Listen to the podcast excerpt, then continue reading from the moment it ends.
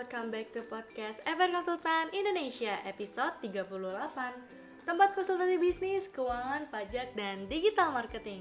Bersama gue Mutia Neta. Di episode kali ini gue yang akan menemani kalian dalam beberapa menit ke depan. Yang pastinya dengan topik yang seru dan membangun buat kaum milenial.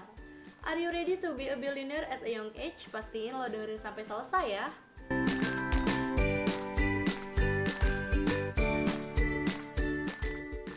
Kalau di episode sebelumnya kita sudah membahas tentang pentingnya website untuk bisnis, sekarang kita akan membahas SEO atau SEM untuk mendongkrak traffic website. Sebelum terlalu jauh, kalian tahu nggak sih apa itu SEO? Kredibilitas SEO jauh lebih baik karena artikel yang tidak berlabel iklan cenderung berpotensi mendapatkan klik dari pengguna. Alasannya, artikel tersebut dianggap dapat memberikan informasi yang lebih lengkap dan sesuai dengan apa yang diinginkan. Dari sinilah bisa terlihat bahwa SEO merupakan cara organik untuk memaksimalkan pencarian dengan dana yang dikeluarkan lebih rendah dan return on investment atau ROI yang dihasilkan juga lebih baik. Hanya saja untuk beberapa alasan orang-orang kurang menyukai SEO sebagai teknik pemasaran utama. Salah satu alasannya karena mereka tidak begitu menguasai cara optimasi konten menggunakan SEO. Alasan lain kenapa seseorang tidak memilih SEO untuk kebutuhan promosi online bisa juga karena Butuh waktu lama untuk memaksimalkan konten, bisa mendapatkan peringkat teratas. Harus pandai memiliki keyword potensial yang sangat kompetitif.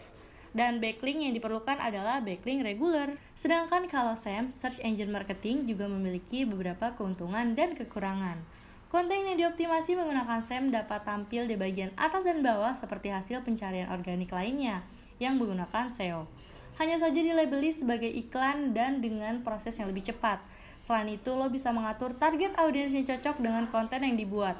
Optimasi SEM memberikan lo kemudahan untuk melakukan semua ini. Namun, SEM juga tidak lepas dari kekurangan seperti memerlukan budget yang besar dan mengharuskan lo melakukan investasi untuk budget iklan yang secara berulang. Untuk keperluan bisnis, sebenarnya SEM bisa menjadi alternatif iklan yang akan sangat menguntungkan, terlebih jika lo kurang paham tentang kaidah optimasi mesin pencari secara organik. Meski begitu, penjelasan ini tak bisa diartikan secara harfiah dan bukan berarti Sam lebih baik sehingga CEO harus ditinggalkan dalam hal optimis bisnis. Kesimpulannya adalah cara gratis sering disebut orang-orang adalah SEO atau Search Engine Optimization. Cara ini memang gratis namun memerlukan effort yang besar karena kita harus melakukan update artikel di website atau blog atau update konten di sosial media. Semua itu dilakukan setiap hari tentunya dengan syarat yang berlaku yaitu isi artikel yang menarik sehingga menarik calon pelanggan untuk menjadi pelanggan lo.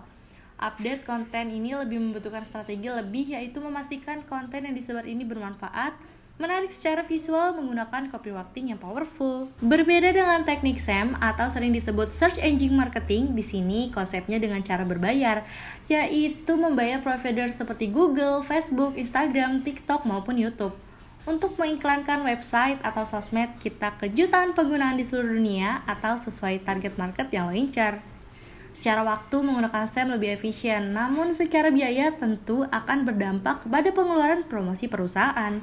Namun jika iklan ini berhasil, maka tentu tidak menjadi masalah bukan jika kita menggunakan teknik SEM. Jadi lo mau menggunakan yang mana nih? Yang gratis atau yang berbayar? Gak kerasa ya sekarang kita sudah ada di penghujung episode. Gimana? Kira-kira menarik gak pembahasan kali ini? Thanks banget nih buat para Gen Z yang udah dengerin sampai akhir di episode 38 mengenai pilih SEO atau SEM untuk mendokrak traffic website. Untuk mendapatkan lebih banyak tips dan trik tentang bisnis, keuangan pajak, dan digital marketing, kalian pantau terus ya podcast FR Konsultan Indonesia. Dan tunggu update-annya di Instagram kami, at FR Konsultan Indonesia. Oh iya, kalian juga bisa konsultasi gratis loh selama 20 menit pertama dengan menghubungi nomor 0813-8228-9991 atau mengunjungi website kami di frkonsultanindonesia.com.